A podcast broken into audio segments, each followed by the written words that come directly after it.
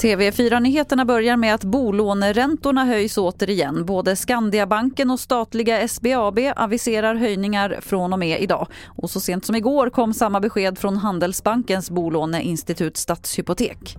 Så till Ukraina för en granskning av satellitbilder visar att det kan vara så att Ryssland ljuger om de civila som hittats döda i förorten Butja utanför Kiev.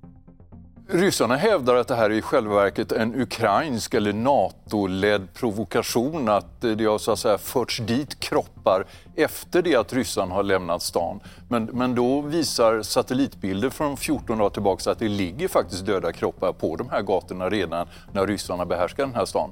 Och det ska bli jätteintressant att se hur det blir i säkerhetsrådet i eftermiddag, inte minst eftersom den ukrainske presidenten Zelensky själv ska tala där. Det sa Jonas Björk, TV4 Nyheternas utrikeskommentator. Ja, senare idag ska Ukrainas president Volodymyr Zelensky tala i FNs säkerhetsråd. I tal i natt sa han att han vill se en noggrann granskning av dödandet av civila. Han vill ha en komplett och transparent utredning vars resultat ska spridas och förklaras för hela det internationella samfundet. Fler nyheter hittar du på tv4.se. Jag heter Lotta Wall.